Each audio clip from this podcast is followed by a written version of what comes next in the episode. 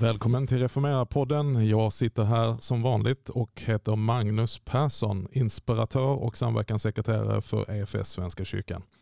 Reformera-podden som vi får flera nya lyssnare till varje fredag. Vi har fått den här inputen att vi tar för givet att alla vet vad det är, men Reformera-podden är alltså en podd som ges ut i samarbete med tidningen Budbäraren och EFS Sverigeavdelning. Och jag som driver den heter alltså Magnus Persson och jobbar som inspiratör.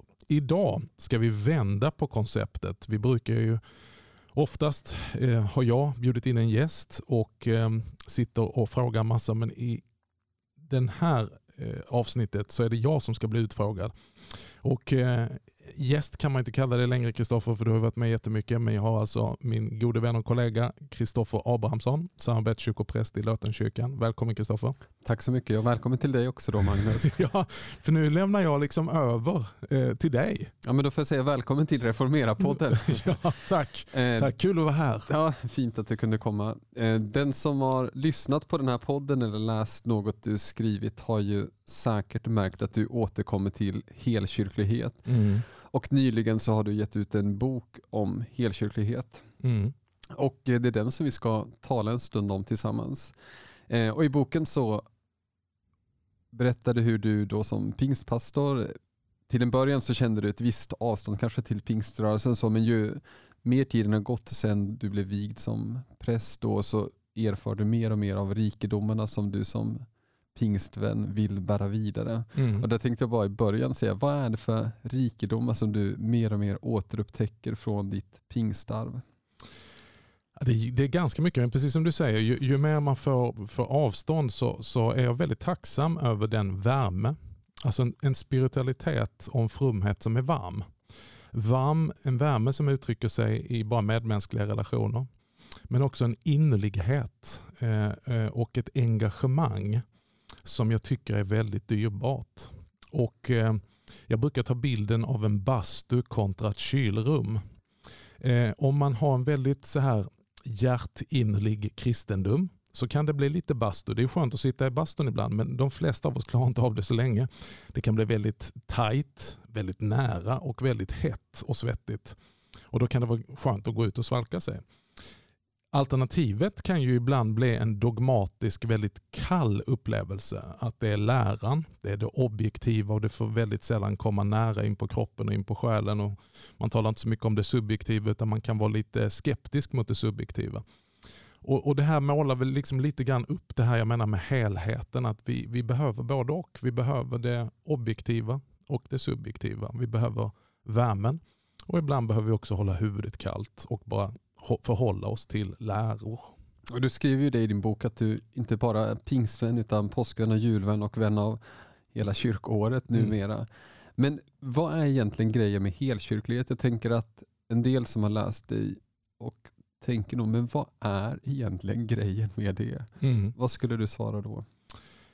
Ja, eh, jag har försökt besvara det på 300 sidor men i en mening så här så tänker jag vad Paulus skriver tillsammans med alla de heliga. Alltså helheten av Kristi kropp. Eh, och Det är ju alla de som har gått före. Eh, och de som finns i olika kulturer och delar av världen där jag tänker att vi har mycket att lära tillsammans för att förstå eh, höjden och djupet, bredden och längden. Och så säger Paulus, syftet är ju inte bara någon sorts kyrkohistorisk eller olika kyrkotraditioner som vi ska botanisera ibland, utan så att vi ska kunna lära känna Kristi kärlek och bli helt uppfyllda av all Guds fullhet. Och där tror jag att vi är så präglade, inte minst i den tiden vi lever i nu, även om det inte är unikt för vår tid. Eh, men vår tid är väldigt präglad av, av polarisering. Det vill säga att man intar sin eh, position. Och det är inte fel att positionera sig, det måste man göra i olika frågor. Men problemet är att en positionering kan bli ett dike som grävs djupare och till slut blir en skyttegrav. Och som blir en filterbubbla där jag liksom bara helt stänger in mig. Därför tänker jag på det här prefixet helkyrklighet. Egentligen, jag tror det var du som sa det, så skulle man bara kunna tala om kyrka. Men problemet är att vi har envisats med att ha massa andra prefix som, som gör det till en halvkyrklighet, det vill säga lågkyrklighet, högkyrklighet, gammelkyrklighet, frikyrklighet, folkkyrklighet. Och någonstans vill jag med helkyrklighet säga att ja, vet du vad? Det finns goda gåvor i alla de här traditionerna som tillhör hela Guds folk. Allt tillhör oss som Paulus säger. Men vad ser du för risker med just prefix som du var inne på? För det är ju, det är ju ett otyg i kyrkan att vi ofta lägger någonting före kyrkan eller den kristna ja. tron. Och så dels tänker att vi riskerar att skära bort det från helheten. Om vi tänker att man då kanske ser sig som skapelsevänlig kristen. Ja, men mm. Det är klart att det ryms också att vara kristen. Du behöver inte mm. lägga till det eller kritik av destruktiva patriarkala strukturer eller annat. Utan i grunden är ju längtan att allt ska rymmas i kyrkan och den kristna tron.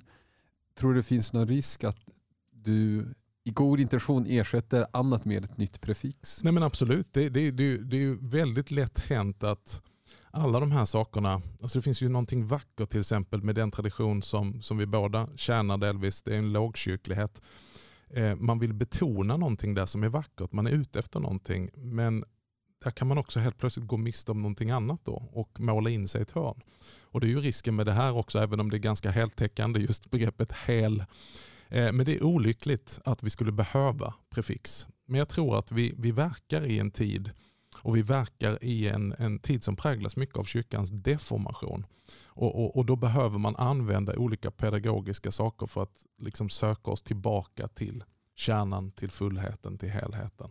Så kanske ett ledmärksord för stunden ja. som i bästa fall är överflödigt om några år. Förhoppningsvis. Och Skulle man kunna se det som att helkyrklighet handlar om en helad kyrklighet? Att vi går bort från de här skyttegravarna och från det här revirtänkandet och istället möts som en helad kyrka och någorlunda helade människor? Exakt. Jag tror att vi, vi alla behöver på ett personligt plan ett helande. Ett helande eh, där vi får ihop de här synbara motsatserna i vårt liv. Eh, vi är komplexa varelser. Om jag tittar på mig själv så är jag en oerhört komplex varelse. Jag hatar ju sådana här test där du ska bli blå, gul, röd eller grön eller vad det är. Eller om du ska svara på är du, är du eh, extrovert eller introvert. Alltså, alla mina test har kommit fram till att jag, jag, jag är den här unika personen som är lite av allt. Mm. Och Jag tror inte på sådana test. Jag menar, vi kan säkert få en hel del hjälp och det finns alla möjliga, de, de, de bara ständigt kommer och jag tycker att det enda de bevisar det är att vi är komplexa varelser. Och, och, om vi går på ett djupare plan så, så vet vi också det att i våra liv så samsas mörker och ljus. I våra liv så samsas syndaren med en helighetslängtan. Eh, i, i, I våra liv så, så samsas så många olika liksom, drivkrafter, Eh, böj, böjelse och så vidare. Och var får vi plats som hela människor? Finns det en kyrka som, som rymmer helheten eller är det bara en del i mig? En del av mig kan gå med i en kyrka men den andra delen får stanna utanför. Mm. Och där, du skriver ju då om både hela tron, hela kyrkan och hela människan och hela livet. Mm. Att det är det som är din längtan. Mm. Eh, vill du säga något mer? Vad innebär det? Nej, men jag, jag tycker att man, man ofta har, eh, hör och själv har erfarenheter. Om vi börjar med hela människan så brukar jag tala om, bara för att göra pedagogiskt enkelt, egentligen tycker jag inte om igen att dela upp människan så här utan just för att belysa att vi är en helhet. Men så använder begreppen huvud, hjärta och händer. För att visa att det finns olika dimensioner av människan men också olika dimensioner av, av kristen tro. Om huvudet får stå för det rationella, det är skönt att vi har någonting objektivt och rationellt att förhålla oss till. Men om det bara blir dogmatik av allting, då får vi inte utrymme för det som vi skulle kunna kalla för mystik eller spiritualitet. Det där som är erfarenheten av den kristna tron som inte bara direkt eh, handlar om eh, eh teser och eh, artiklar utan som är den levande gemenskapen, Guds närvaro, att erfara att, att jag får vara i Guds närhet. Det som är hjärtats relation. Och om, om huvudet får stå för det rationella så skulle vi kunna med hjärtat tala om det spirituella eller till och med det emotionella som är väldigt känsligt att tala om. vissa, nej men du ska inte lyssna till dina känslor, vi, vi ska inte ha så mycket fokus på känslor. Nej, det blir också problemet om du helt isolerar hjärtats tro från huvudet och händerna. Och händerna då, det får stå för den tro som får sätta sig i kroppen. Det är väldigt skönt att få landa i det. Det var det för mig i min resa som hade varit väldigt fokus på hjärtats upplevelser. Jag kände mig nästan utbränd. Utbränd i jakten på en starkare kick hela tiden och, och, och bygga min tro och min trygghet på känns Gud nära nu? Har Gud gjort någonting? Har Gud sagt någonting till, till mig i mitt hjärta? Utan att få landa i kroppens tro, där tron får bara sätta sig i kroppen och där jag får uttrycka min tro och min bön med, med bara tydliga, liksom, om vi då säger rationellt, emotionellt och istället får få lov att komma in i det som också har ett dåligt rykte, det, det som är rituellt. Men jag tror att vi människor är rituella varelser. Jag tror för att någonting ska bli verkligt för oss så måste vi bevara inkarnationens mönster där ordet får bli kött och blod och ta sin boning ibland oss. Och Du talar ju om just att rymmas allt och där växer också frågan, måste varje sammanhang rymmas allt? Vad händer då med de olika traditioner och uttryckssätt som vi tillhör och kanske gillar? Mm. Eh, vad är skillnaden på att trycka in allt i en och samma mm. församling? Eller är det inte gott att det finns också olika mötesplatser för olika typer av människor? Jo men först av allt så ska man säga att, att, att, att, ordet måste ska man inte använda. Utan det är snarare att det ska bli till en hjälp. Att, att här finns en, en verktygslåda hemma hos mig. Jag är ju eh, eh, den raka motsatsen till en handyman. Min fru brukar skoja med mig och, och, och, och, säga att det är hon som har den typiska mansrollen. Nu, nu försöker vi ta bort alla sådana men klassiskt eh, traditionellt tänkt så, så passar jag inte alls in i den. För i min verktygslåda så finns det en skiftnyckel och en hammare. Och det är någon som har sagt att om det enda verktyget du har är en hammare så tenderar du att försöka lösa varje problem som det vore en spik. Så att det ska ses mer som ett erbjudande att säga att Kristi kyrkas verktygslåda, eller ska vi kalla det för något ännu vackrare, en skattkista, rikedomar, är mycket större. Och Problemet är att om vi renodlar bara en liten tradition så är risken, om vi går tillbaka till Efesierbrevet 3, vad Paulus säger, höjden, djupet, bredden och längden så att vi bättre ska förstå Kristi kärlek. Så är ju risken att när vi bara sänder på en kanal, när vi bara använder ett verktyg, vilka utmaningar vi än möter, att vi lite tappar bort storheten och fullheten i Kristus. Så det är egentligen att försöka se med en, en större blick på att det är Gud är mycket större än mitt eget sammanhang och samtidigt försöka vara troget det sammanhanget tillhör. Exakt. Och, och egentligen så, så, så handlar det inte om att trycka in någonting utan snarare att vidga blicken lite grann. Eh, lite grann som vi, alla bilder haltar men, men jag tänker att det är rätt intressant att den svenska nationalrätten, eh, jag vet inte om man kan kalla det så, men eh, vi sitter här och spelar in en fredag. Alla ska gå hem till fredagsmyset och äta den typiska svenska rätten tacos. Och Det har att göra med att vi helt plötsligt har fått en utblick och kunnat ta till oss av alla de rikedomar som finns i andra kök. Mm. Än det typiska svenska husmanskostköket. Så helkyrklighet handlar om att lära sig laga nya maträtter och inspireras av dem egentligen? Ja, och upptäcka mer av kostcirkeln och mer av olika smaker och så vidare. Och Det finns en utmaning med det för att vi kommer från olika sammanhang och så. Där du skriver att dopet är värdefullt för det och det kanske är det som är utgångspunkten och också porten in i att kunna tala om de här frågorna. Du mm. citerar bland annat Peter Halldorf som skriver att den som grundar sin tro på sitt dop och inte sitt dop på sin tro slår undan benen på tvivlet. Mm. Och Tror att dopet är en port in för att kunna låta mer få tillhöra alla och också kunna komma bort från skyttegravar och istället mötas som mm. kyrka. Dopet framhålls ju eh, både i Nya Testamentet och genom egentligen hela kyrkans historia som det som förenar oss och det vi har gemensamt. Paulus han säger att vi är döpta in i Kristus och därför är nu inte, han drar det så långt så han tar bort alla gränser som finns. Det är inte fri eller slav, det är inte jud eller grek, det är inte ens man eller kvinna, här är vi alla ett i Kristus. Så dopet är ju på något sätt den grunden som vi står på och kan arbeta utifrån. Sen utifrån det citatet som, som ligger mig väldigt nära hjärtat där Peter uttrycker det så starkt. Det är ju den dimensionen som vi skulle kunna kalla för den sakramentala dimensionen. Som jag gärna skulle vilja glänta på dörren för de sammanhangen som inte skulle kalla sig sakramentala. Och Det är inte för att Eh, det här är mer rätt eller det här är bättre, även om jag kanske tycker så, utan att det finns en tröst, det finns ett själavårdande perspektiv i detta. Så mycket av min resa är ju en personlig resa. Det är egentligen inte att botanisera i kyrkliga traditioner utan det är att finna hjälp mot en sårad själ, att försöka hitta läkedom, hitta själavård, hitta tröst, hitta helande. Eh, och grundar du allting på ditt beslut, då kan du ifrågasätta väldigt mycket som du gör. Vad är mina motivationer genom detta? Har jag verkligen tagit beslut? Hur vet jag om jag har tagit beslut? Om det är bara min tro som räknas, när vet jag att jag verkligen tror rätt tillräckligt mycket?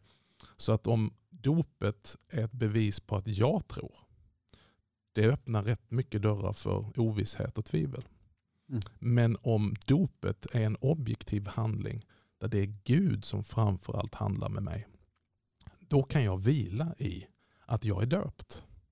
Så att istället för att döpa sig för att jag tror, vilket är helt okej, okay, så kan jag få tro för att jag är döpt. Och Det blir en skillnad i kanske hur man möter tvivlet som Peter är inne på där. Och i det så blir jag nyfiken på att höra hur kan man urskilja vad som är till hjälp utan att låta allting reduceras till funktioner? För mm. det är ju så mycket i livet vi använder ur ett funktionsperspektiv. Vi använder kyrkan om den är till hjälp för mig. Mm. Vi använder bön eller bibelläsning om den är till hjälp för mig.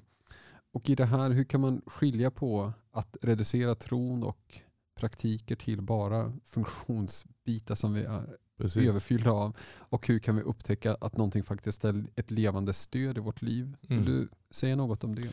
Nej, men det, det är jättebra att du tar upp det, för, för den stora risken det är ju att helkyrklighet blir ett smörgåsbord ett terapeutiskt smörgåsbord. Jag vet inte om ens man kan kombinera de två orden. Men det vill säga att för min egen terapeutiska skull eh, så utgår jag utifrån mina upplevda behov och vandrar omkring kring denna fantastiska kyrkliga buffé och plockar utifrån mina egna preferenser eller behov.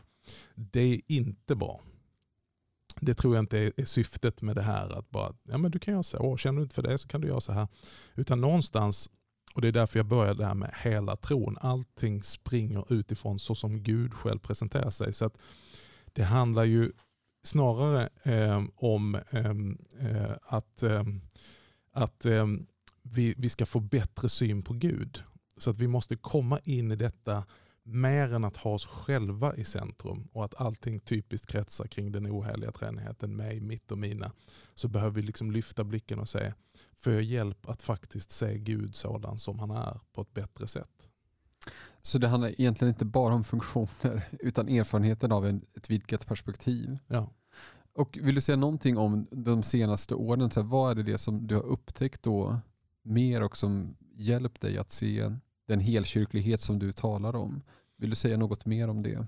Det finns ju jättemycket att, att säga om detta, men, men om vi går tillbaka då till, till det som vi är överens om. De trosbekännelser, symboler som, som historiskt och, och världsvitt kyrkan samlas kring uttrycker tron i tre artiklar.